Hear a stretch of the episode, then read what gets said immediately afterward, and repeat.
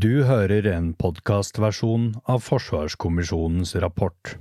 Jeg heter Bård Nicolas Viksten. Kapittel 9 Teknologi De neste 20 årene vil spredningen av kunnskap og utviklingen av teknologi gå raskere enn noen gang tidligere. Ny teknologi er avgjørende for fortsatt økonomisk vekst og for å beholde og utvikle nye militære fortrinn. Det globale teknologiske kappløpet mellom Kina og USA fortsetter og forsterkes. Dette kapitlet tar for seg hvordan de teknologiske endringene kan påvirke sikkerhets- og forsvarspolitikken i et 10–20 års perspektiv. Noen banebrytende teknologiområder med potensial til å endre våre liv på et grunnleggende plan, såkalte brytningsteknologier, er ventet å slå til i løpet av de kommende 20 årene. Slike gjennombrudd vil ha store implikasjoner. Det vil gi muligheter for verdiskapning og innovasjon, men vil også føre med seg nye sårbarheter. Slike dype endringer av samfunnet påvirker hvordan krigføring utføres.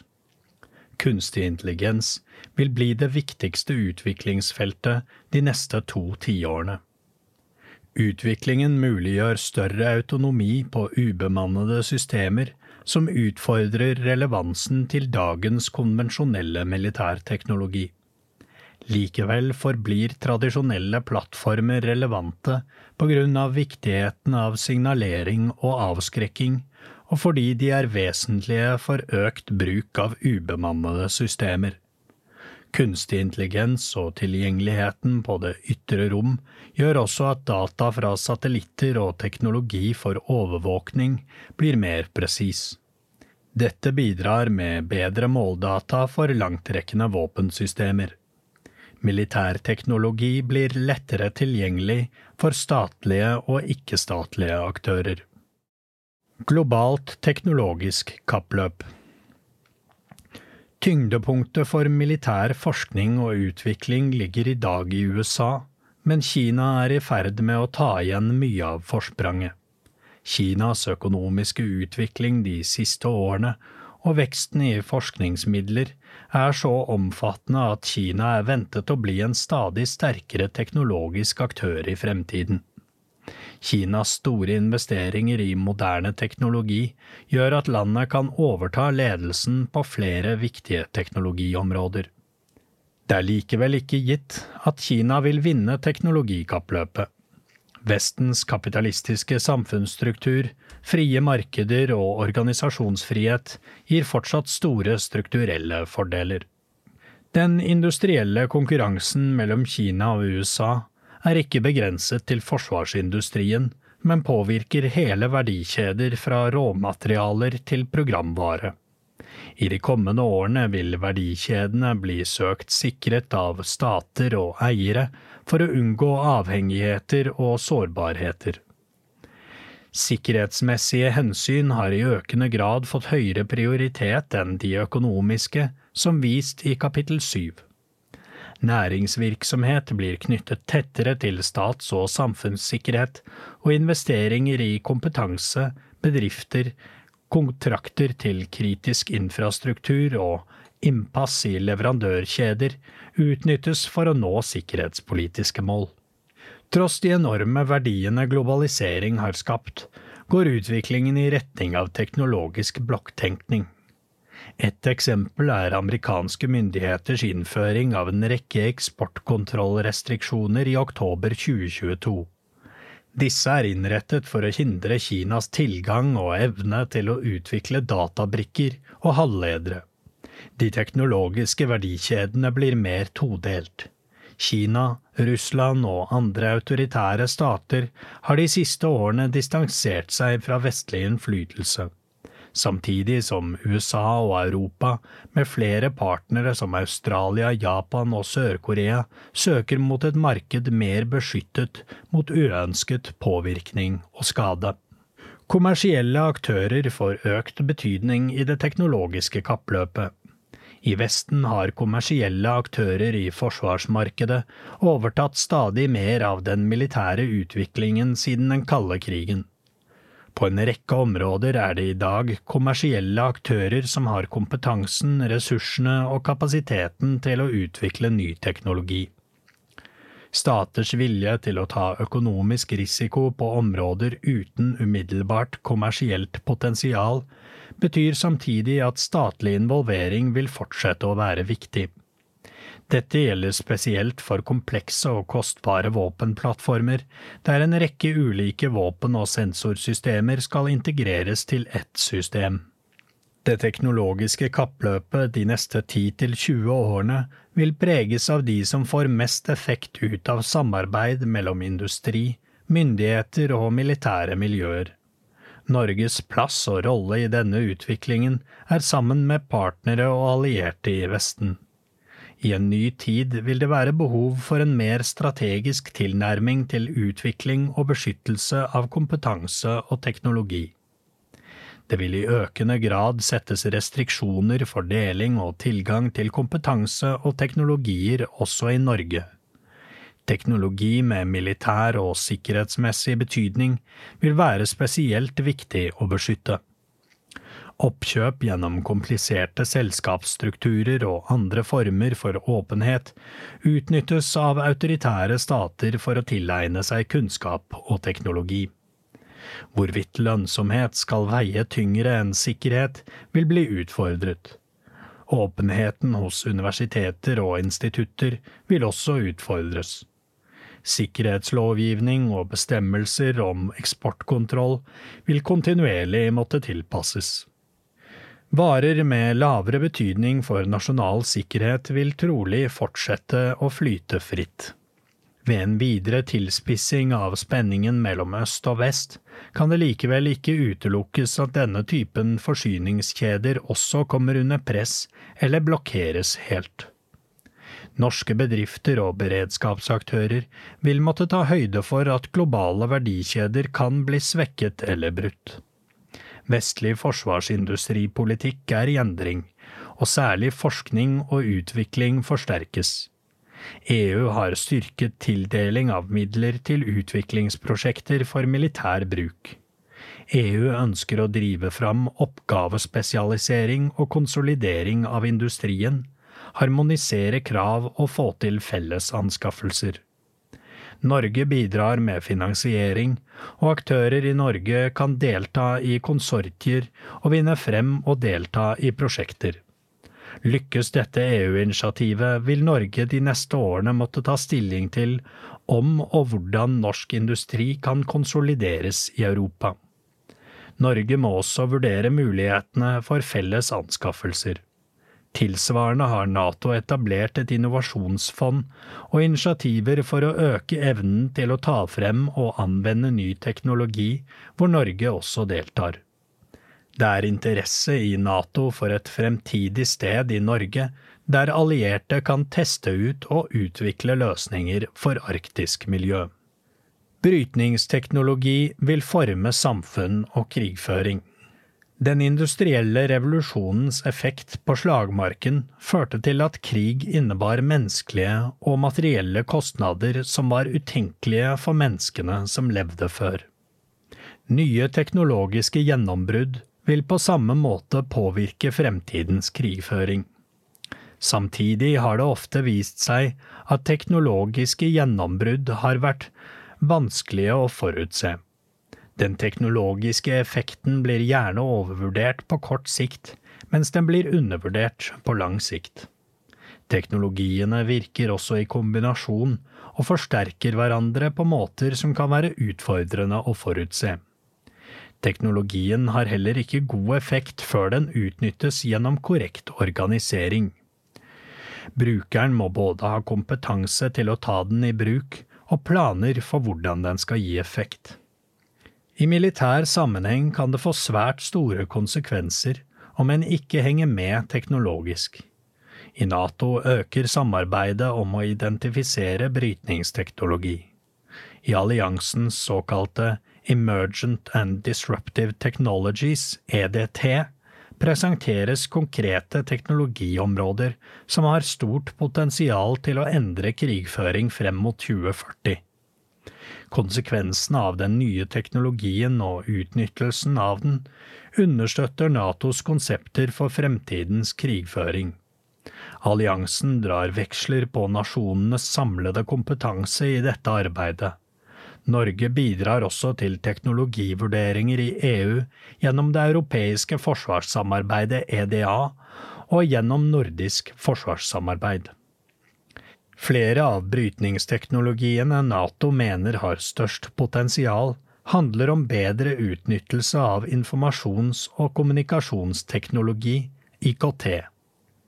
Moderne IKT-systemer gjør at man vil kunne være bedre informert, bedre koordinert og ta raskere og bedre beslutninger. Det er også utviklingen innen IKT som muliggjør stadig mer avanserte ubemannede systemer, bedre sensorer og økt presisjon. Samtidig åpner IKT opp nye sårbarheter for trusler og angrep i cyberdomenet og påvirkningsoperasjoner. Flere andre brytningsteknologier som laservåpen, bioteknologi, materialteknologi og kvanteteknologi har stort potensial, men er mer umodne teknologier der gjennombrudd de neste 10–20 år er usikkert. For de neste 10–20 årene fremstår kunstig intelligens, ubemannede systemer, satellitter og overvåkningsteknologi og langtrekkende presisjonsvåpen, inkludert hypersoniske missiler, som særlig relevant for utviklingen av Norges forsvarsevne. Disse forbedrer fellesoperasjoner og muliggjør operasjonskonsepter med distribuert kampkraft. Ny teknologi må ikke forstås som adskilt teknologi, som kun erstatter det gamle. Gamle systemer kan forbedres med ny teknologi, og nytt og gammelt kan kobles sammen for å gi økt effekt. En forutsetning for å utnytte ny teknologi innen IKT er at nasjoner må forstå og være forberedt på utviklingen. Det vil si at kompetanse bygges, nye konsepter utforskes, organiseringen og strukturen tilpasses nye konsepter, og den digitale infrastrukturen utvikles slik at den nye teknologien kan implementeres. Når samhandlingsteknologi som IKT utvikles, er det en fordel å samarbeide internasjonalt om løsninger og konsepter.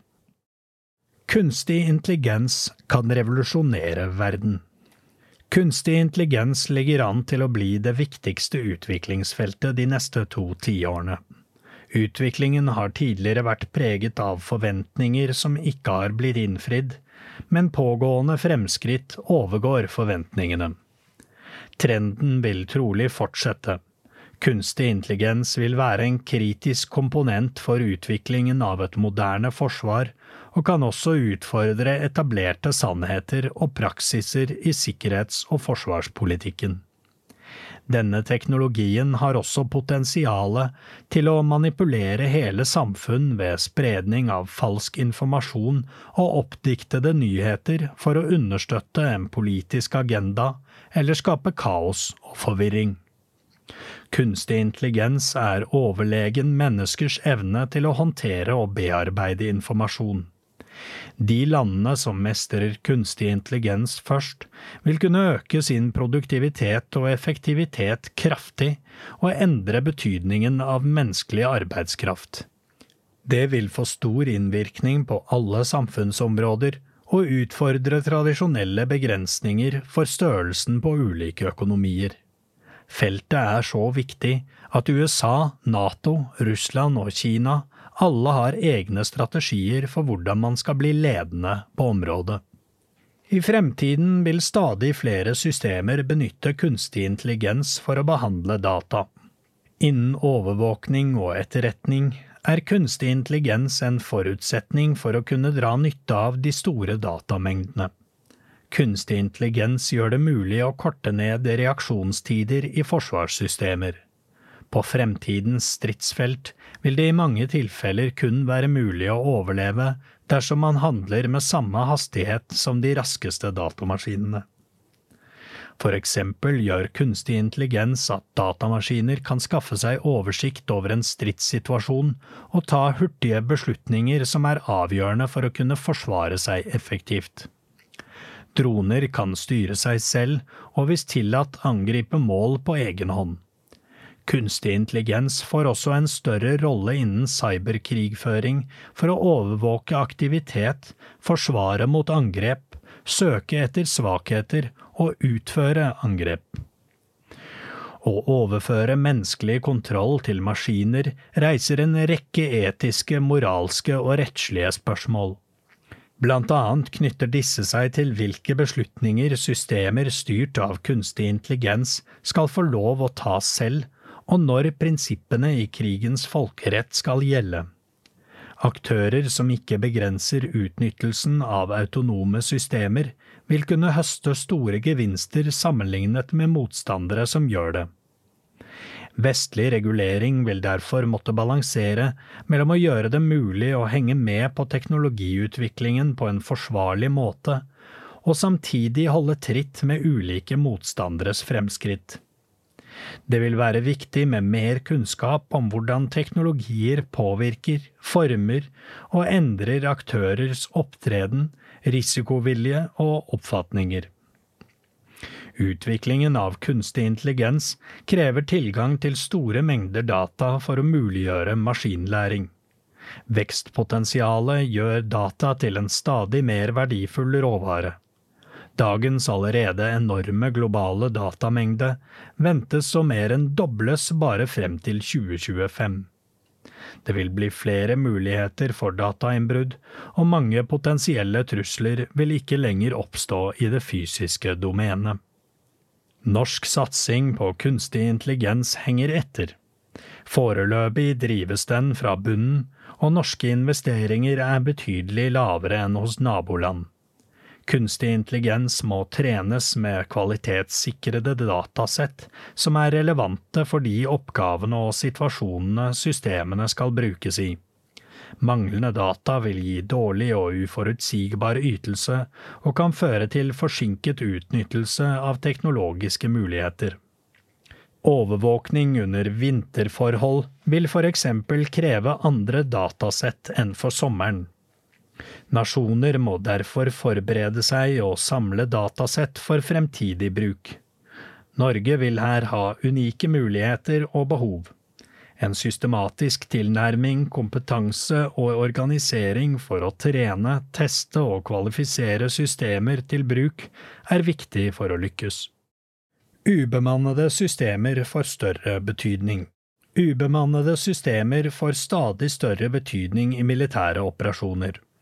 Sivile aktører er drivere i utviklingen, og flere stater investerer tungt. For små nasjoner kan ubemannede systemer være en styrkemultiplikator som muliggjør kapasitet man ellers ikke kunne oppnådd. Fjernstyrte satellitter, ubemannede helikoptre, bakkekjøretøyer og selvstyrende missiler er allerede moden og utbredt teknologi. Utviklingen går i retning av flere og mer selvstendige, ubemannede systemer med flere autonome funksjoner. Store farkoster som skip og fly blir automatisert, og Norge er i front i maritim næring. Miniatyrisering gir også flere mindre og kapable systemer. Små droner vil ytterligere bli en del av soldaters utrustning i operasjoner. Masseproduksjon av ubemannede systemer med lav kostnad, høy dødelighet og høy overlevelsesevne har allerede ledet til en fundamental endring i den relative verdien av ulike våpensystemer.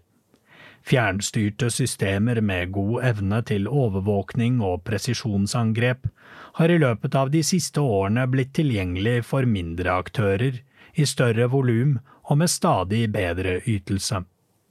Dette har ikke bare gjort ubemannede våpen tilgjengelig for flere, men utfordrer også verdien av dyre våpenplattformer. Svermer av koordinerte eller samarbeidende, relativt billige, ubemannede systemer testes ut i flere land. Slike svermer vil sette beskyttelsessystemer på alvorlig prøve.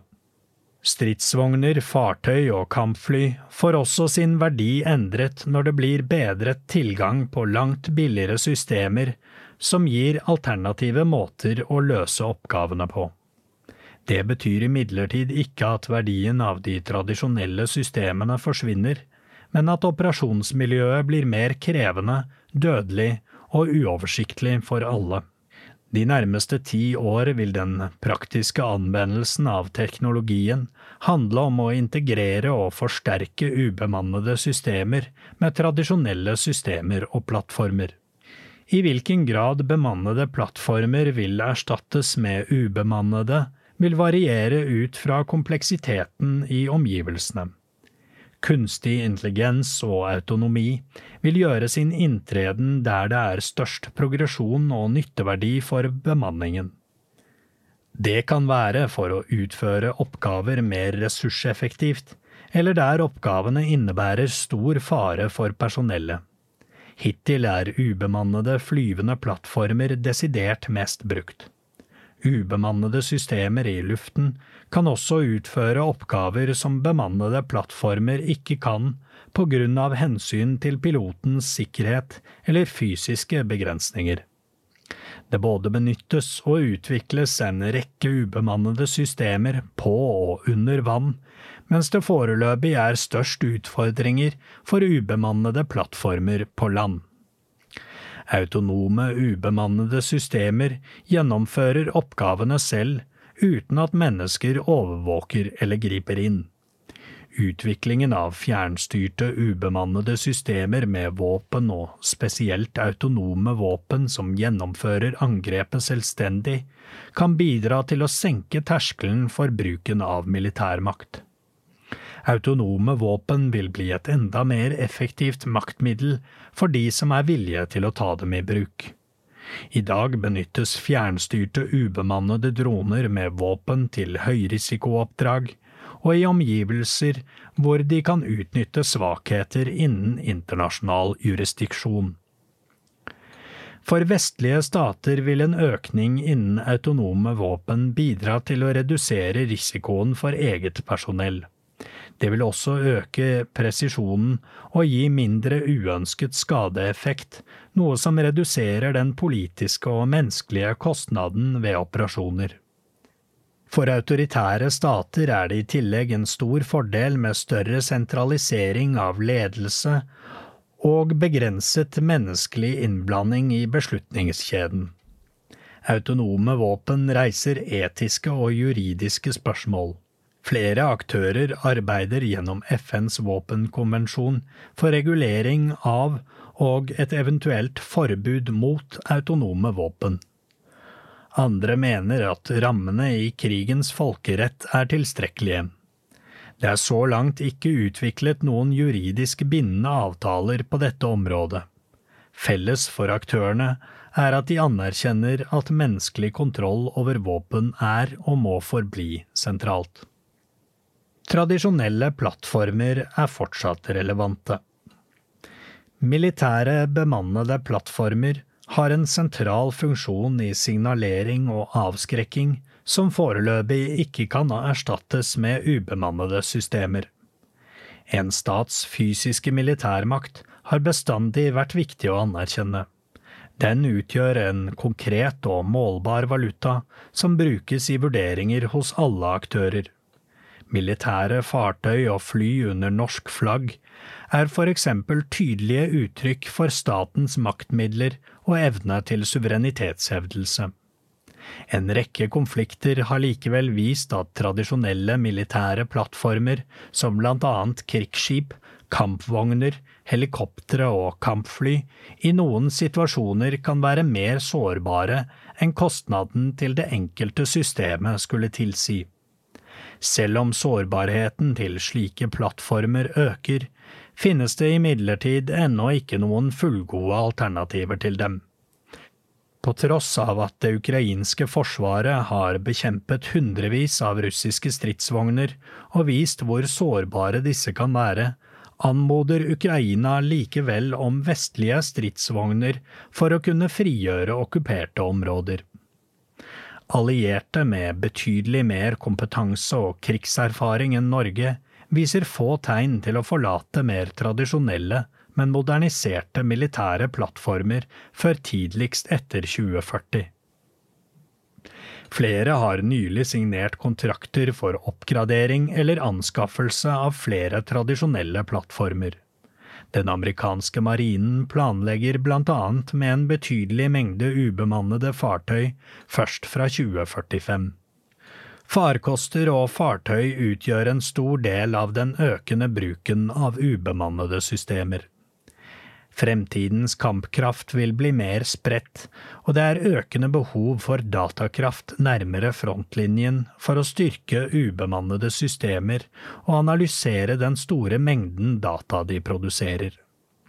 Blant alliertes utviklingskonsepter fungerer bemannede farkoster som noder med tilstrekkelig datakraft og sendereffekt til å kunne både styre flere ubemannede systemer samtidig, men også analysere og utnytte den enorme mengden data de produserer.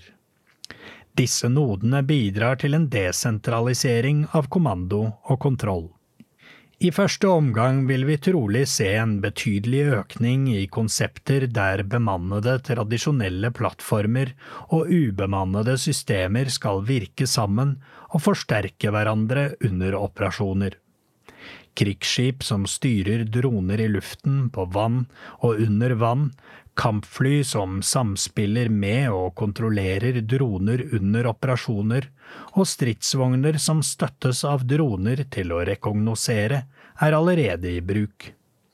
Det legges ned betydelig innsats i å utvikle slike konsepter og forberede en fremtid der mennesker og maskiner skal samarbeide. Sentralt er utviklingen av hva som er god interaksjon mellom mennesker og maskiner. Romteknologien gir få gjemmesteder. Det blir stadig vanskeligere å skjule seg. Konstellasjoner av mikrosatellitter, forbedrede sensorer samt automatisert prosessering av store mengder data vil bidra til at mange forsvar vil ha situasjonsforståelse nærmest i sanntid. Tidligere kunne en angriper bygge opp styrker i skjul og overraske fienden, men dette blir mye vanskeligere fremover. Bedre og flere typer satellittbilder og sensorer vil gjøre det mulig å ta bedre beslutninger og enklere å finne mål. Krigen i Ukraina har vist hvordan dette gjør at militære organisasjoner må finne nye måter å operere usett på, og konsentrere sine styrker for angrep. Selv om Kina, Russland og EU gjør seg mer selvstendig, vil USA fortsette å dominere det ytre rom. Rombaserte kapasiteters betydning for overvåkning, navigasjon og kommunikasjon vil føre til økt konkurranse. USA har lenge vært dominerende innen romvirksomhet, og vil fortsette å være ledende de neste to tiårene. Kina satser imidlertid tungt, og ventes å bli uavhengig av USA innen alle former for satellittbaserte tjenester i god tid før 2040. Da de første norske satellittene for overvåkning av Nordsjøen og Norskehavet ble satt i bane, ble oversikten over fartøyer i norske interesseområder dramatisk forbedret. Dette har bidratt til bedre ressursbruk for blant andre Kystvakten og overvåkningsflyene. Norge er i ferd med å bygge satellittsystemer for sanntidsovervåkning ved hjelp av radar. Disse kan også finne posisjonen til uidentifiserte fartøy. I starten av 2023 ble satellitter for bredbåndskommunikasjon i Arktis satt i bane.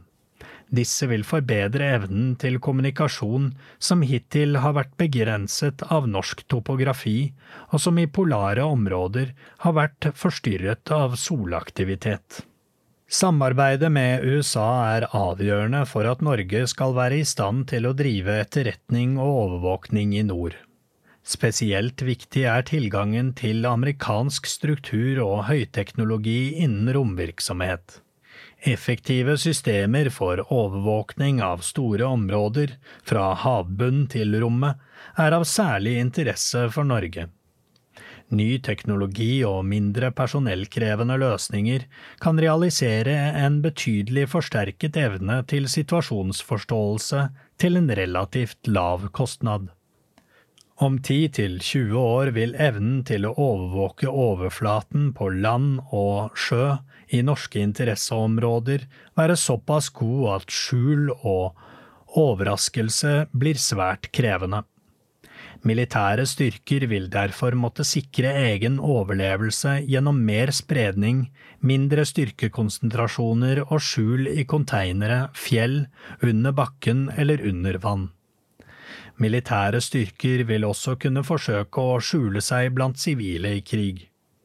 En slik utvikling reiser åpenbare folkerettslige og etiske problemstillinger. Under vann vil trolig være et av få steder der det fortsatt vil være mulig å operere i skjul. Det er en av hovedgrunnene til at de mektigste aktørene i verden fortsetter å satse tungt på undervannsteknologi og undervannsbåter. Her er Norge i en unik posisjon med mye kompetanse og sterk interesse for undervannsaktivitet. Teknologiutviklingen vil også utfordre undervannsbåters evne til å operere skjult. Autonome farkoster som kan skygge ubåter, testes allerede i dag. Økt sensordekning under vann og forbedret evne til å behandle overvåkningsdata vil gjøre det enklere å forutsi ubåters posisjon. Det militærteknologiske kappløpet om fremtidens undervannskrigføring vil fortsette med full styrke. Norge er en av få småstater i verden som har forutsetninger for å bidra på dette området. Her har vi klare geografiske og teknologiske fortrinn. Antisatellittvåpen, spesielt de som produserer romsøppel, utgjør en alvorlig risiko for rommiljøet og alle nasjoners evne til å bruke romdomenet for velstand og sikkerhet. Flere land utvikler kapasiteter for å sette satellitter og bakkeinstallasjoner ut av spill. I 2021 skjøt Russland ned en egen avhendet satellitt, og annonserte deretter i statlige media at de nå var i stand til å ødelegge alle amerikanske GPS-satellitter som også brukes av Nato. Bare tre andre land har demonstrert evne til å fysisk ødelegge satellitter – Kina, India og USA. Mange flere nasjoner har imidlertid tilgang til elektroniske våpen og cybervåpen, og disse evnene sprer seg også blant ikke-statlige aktører og enkeltpersoner. Ettersom det ytre rom nå er blitt tilgjengelig for flere stater, kan ikke bruken av antisatellittvåpen lenger betraktes som engangshendelser, men snarere som et tegn på fremtidig operasjonell aktivitet. Forsvar mot slik aktivitet krever handling fra myndigheter og må inkludere privat sektor. Disse utfordringene er særlig relevante for Norge. Norge har vesentlige geografiske fortrinn og er et av få land som videreutvikler en tilnærmet komplett verdikjede for romvirksomhet nasjonalt. Dette vil gjøre det mulig for Norge å posisjonere seg internasjonalt, både overfor EU og USA. Overvåkning av norske områder er krevende økonomisk og personellmessig. Overvåkning med ny teknologi som satellitter, sensornettverk og ubemannede systemer gir nye muligheter. For å kunne utnytte informasjonsinnhentingen må det utvikles løsninger for fremtidens analysekapasitet, informasjonsdeling, beslutningsstøtte og kommandolinjer. Langtrekkende våpen Stadig flere land får tilgang på langtrekkende presisjonsvåpen som tidligere kun var tilgjengelig for stormakter. Økt oversikt over landjorden gjør også at flere får tilgang til gode nok koordinater for å kunne treffe ønskede mål. Dette betyr at områder som en gang var antatt å være relativt trygge fra konvensjonelle angrep, blir stadig mer sårbare. Ikke bare flyplasser, samlingsområder og kommando- og kontrollsentraler vil være naturlige mål, men enhver form for infrastruktur kan vurderes som relevante mål. Langtrekkende våpen øker lands evne til å forstyrre en motstanders militære bevegelser og skape kaos blant sivilbefolkningen og svekke evnen til å føre militære operasjoner. Våpen som kombinerer global rekkevidde, høy presisjon, ekstrem hastighet og evne til å manøvrere, får økende betydning. Hypersoniske og andre missiler av denne typen er allerede utviklet i Kina, Russland og USA. Kort reaksjonstid og mulighet til å bære kjernevåpen gjør de svært ødeleggende og svært krevende å forsvare seg mot. Slike våpen er sensitive. De kan lede til misforståelser og uønsket eskalering, og dermed øke risikoen for krig og atomkrig. Tilsvarende utviklingstrekk innen våpenteknologi har tidligere blitt søkt regulert og stabilisert gjennom gjensidig rustningskontroll og robuste verifikasjonsmekanismer. Det har imidlertid blitt et dårligere grunnlag for internasjonalt samarbeid og dialog som trengs for å lage slike avtaler. Det er lite som tyder på bedring de neste 10–20 årene. Behovet for beskyttelse mot langtrekkende presisjonsvåpen i form av luftvern vil øke, men truslene vil etter hvert bli så mange og forskjellige at tilfredsstillende dekning er krevende. Den økende bredden i angrepsmidler og behovet for å beskytte større områder gjør at kostnaden øker betraktelig. Dette gir en angriper flere fordeler enn en forsvarer. Luftvern må kunne skyte ned fly og helikoptre. De må også kunne skyte ned missiler med stadig høyere hastighet og evne til manøvrering, som ballistiske og hypersoniske missiler. I tillegg må luftvern kunne håndtere flerfoldige typer droner som appåtil kan angripe i sverm. Norge og allierte må derfor prioritere hardt mellom hvilke steder og objekter som må beskyttes. Krigen i Ukraina viser hvor avgjørende evne til beskyttelse er i krig der motstanderen ikke skyr noen midler i sine angrep mot både sivile og militære mål. Luftvern handler også om kostnad og mengde. Et kryssermissil til flere titalls millioner har hittil blitt bekjempet av luftvernmissiler til noen få millioner. Rimelige angrepsdroner gjør at forskjellen i pris mellom presisjonsvåpen og mottiltak kan bli nærmest uhåndterlig stor. I tillegg er luftvernsmissiler avanserte og tar lang tid å produsere. Billige droner kan produseres i store mengder, og dermed utarme selvforsvarssystemer som ikke er tilpasset situasjonen. Evnen til å levere langtrekkende presisjonsild vil bli viktigere i konflikt de neste 10–20 år. Norge er langt fremme i utviklingen av presise sjømålsmissiler, og disse kan også benyttes mot landmål. Dette er det eneste femtegenerasjons presisjonsvåpenet med lang rekkevidde, og det eneste som får plass i de interne våpenstasjonene for F-35. Behovet for å forsvare egne styrker mot trusselen fra presisjonsvåpen gjør også at spredning og kamuflering av militære styrker blir viktigere enn før. Tilgangen til gjemmesteder og robuste bygninger, slik som flysheltere, altså forsterkede hangarer, på flere steder, blir viktigere for militære styrkers overlevelse. Spredning til allierte flybaser blir stadig mer aktuelt, fordi moderne kampfly har lang rekkevidde og kan forflytte seg raskt.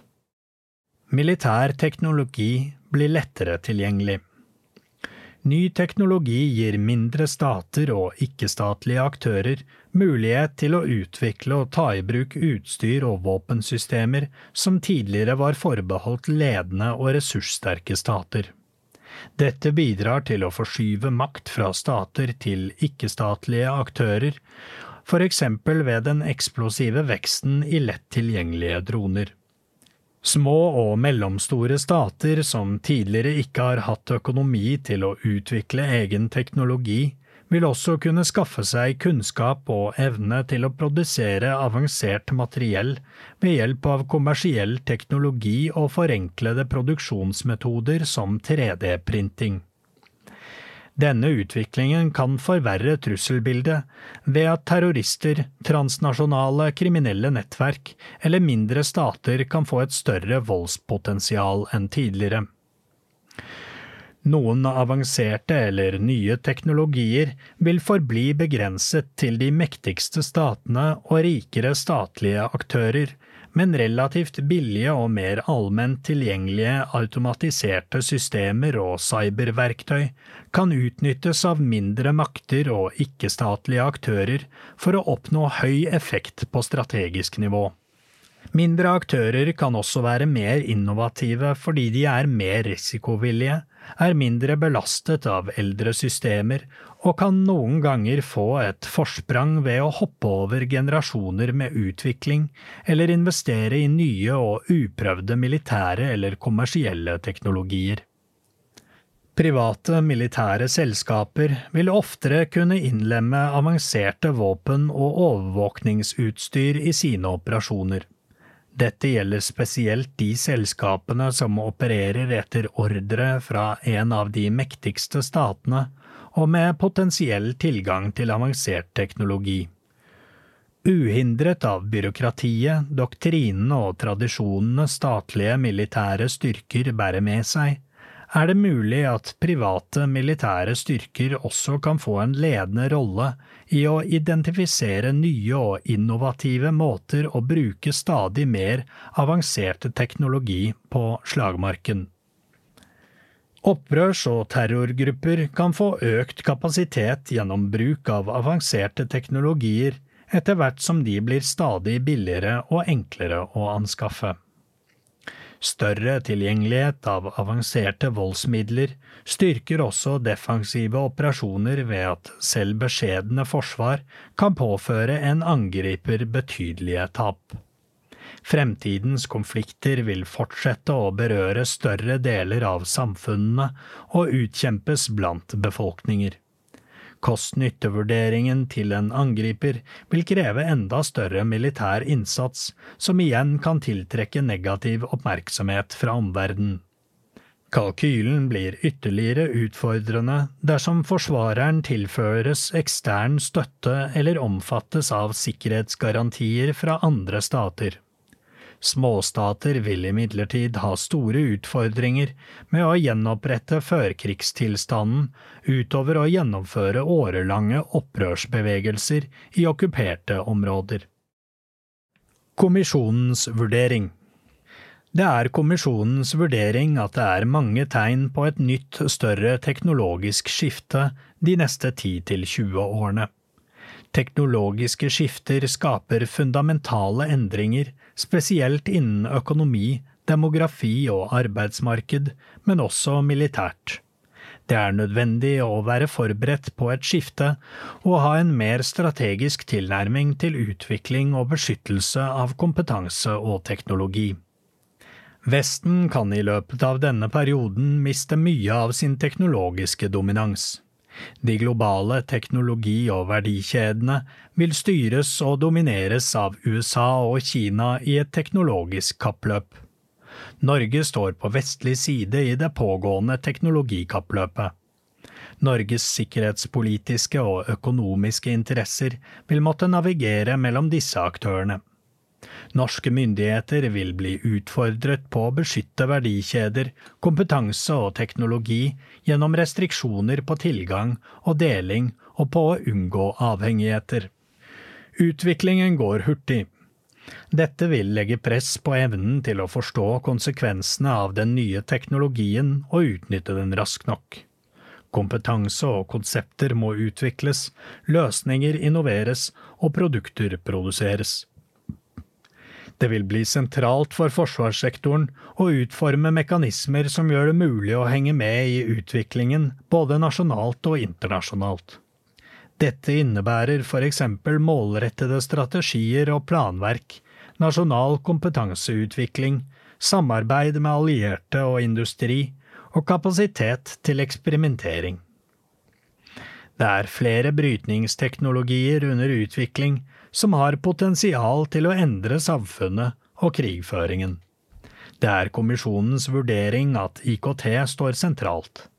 Verden er godt inne i informasjonsalderen, men likevel står verden trolig ovenfor en enda mer omfattende IKT-transformasjon i årene fremover. Supermaktene og stormakter posisjonerer seg for å være først ute med å dra nytte av den nye teknologien. Det er vesentlig å investere i digitalisering og IKT fordi dette danner fundamentet for brorparten av de mest lovende teknologiske utviklingene. Det er også en utvikling at strategisk operasjonelle og taktiske fordeler i stadig større grad handler om å samle, verne om og forstå kunnskap som ligger i data. Det vil være nødvendig med en digital transformasjon av forsvarssektoren for å kunne nyttiggjøre seg teknologien. Forsvarskommisjonen mener at utviklingen av kunstig intelligens vil få stor betydning i årene fremover. Denne teknologien utfordrer allerede tradisjonelle former for krigføring og kan skape avgjørende fortrinn. Evnen til å kode eller produsere falsk informasjon i stor skala stiller også grunnleggende spørsmål ved hvordan man beskytter seg mot cyberangrep og falsk informasjon i fremtiden. Utviklingen av kunstig intelligens har kommet lenger enn mange andre brytningsteknologier, og har potensial til å revolusjonere bruken av militærmakt, men også moderne samfunn. Forsvarskommisjonen mener kunstig intelligens peker seg ut som vår tids viktigste teknologi. Kommisjonen mener også at utviklingen av ubemannede systemer for krigføring og kunstig intelligens vil styrke mindre lands relative militære evner og produktivitet. Disse teknologiene kan gi Norge betydelige fortrinn og er en nødvendighet for et moderne forsvar i fremtiden. Det samme gjelder bruk av satellitter, droner og sensornettverk for overvåkning og etterretning av Norges store interesseområder, både over og under vann. Kommisjonen ser også en utvikling av langtrekkende presisjonsvåpen og mer alvorlige lufttrusler. Norge har behov for slike våpen for effektiv krigføring og økt rekkevidde. Samtidig er kanskje den største utfordringen å kunne forsvare seg mot dette trusselbildet. Det er helt nødvendig å utvikle ny teknologi og nye konsepter for å forsvare seg.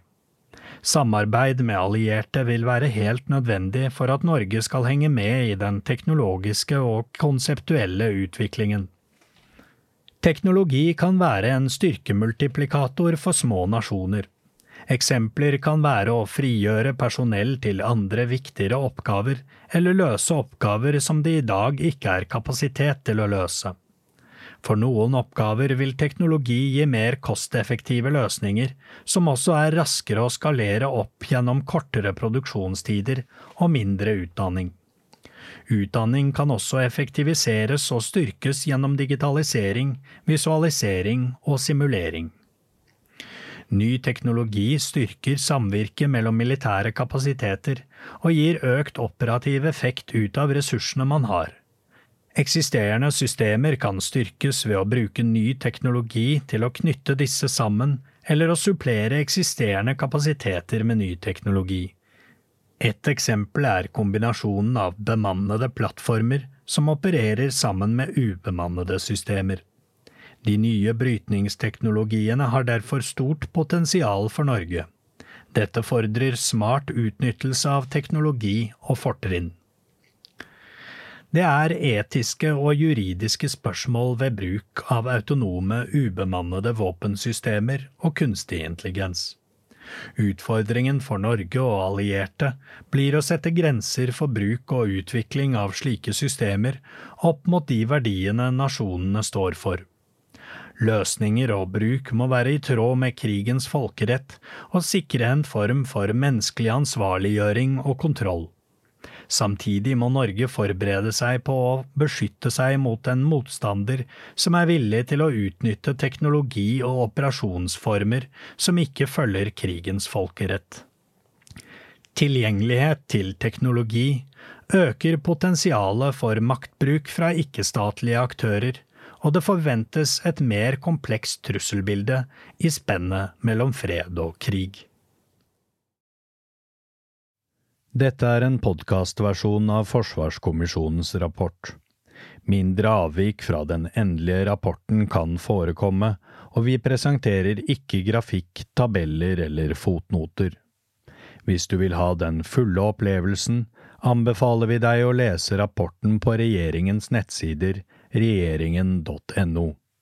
Da vil du også få med deg en rekke viktige grafer, figurer og illustrasjoner Forsvarskommisjonen har lagt mye arbeid i. Denne lydutgaven er ingen erstatning for den trykte rapporten, og det er kun den trykte rapporten som representerer Forsvarskommisjonens svar på regjeringens oppdrag. Denne podkasten er laget av Knut Storberget, Bård Nicolas Vik Steen, Kristine Hellesland, Fredrik Tamberg, Jørgen Lyngvær og Thomas Haraldsen.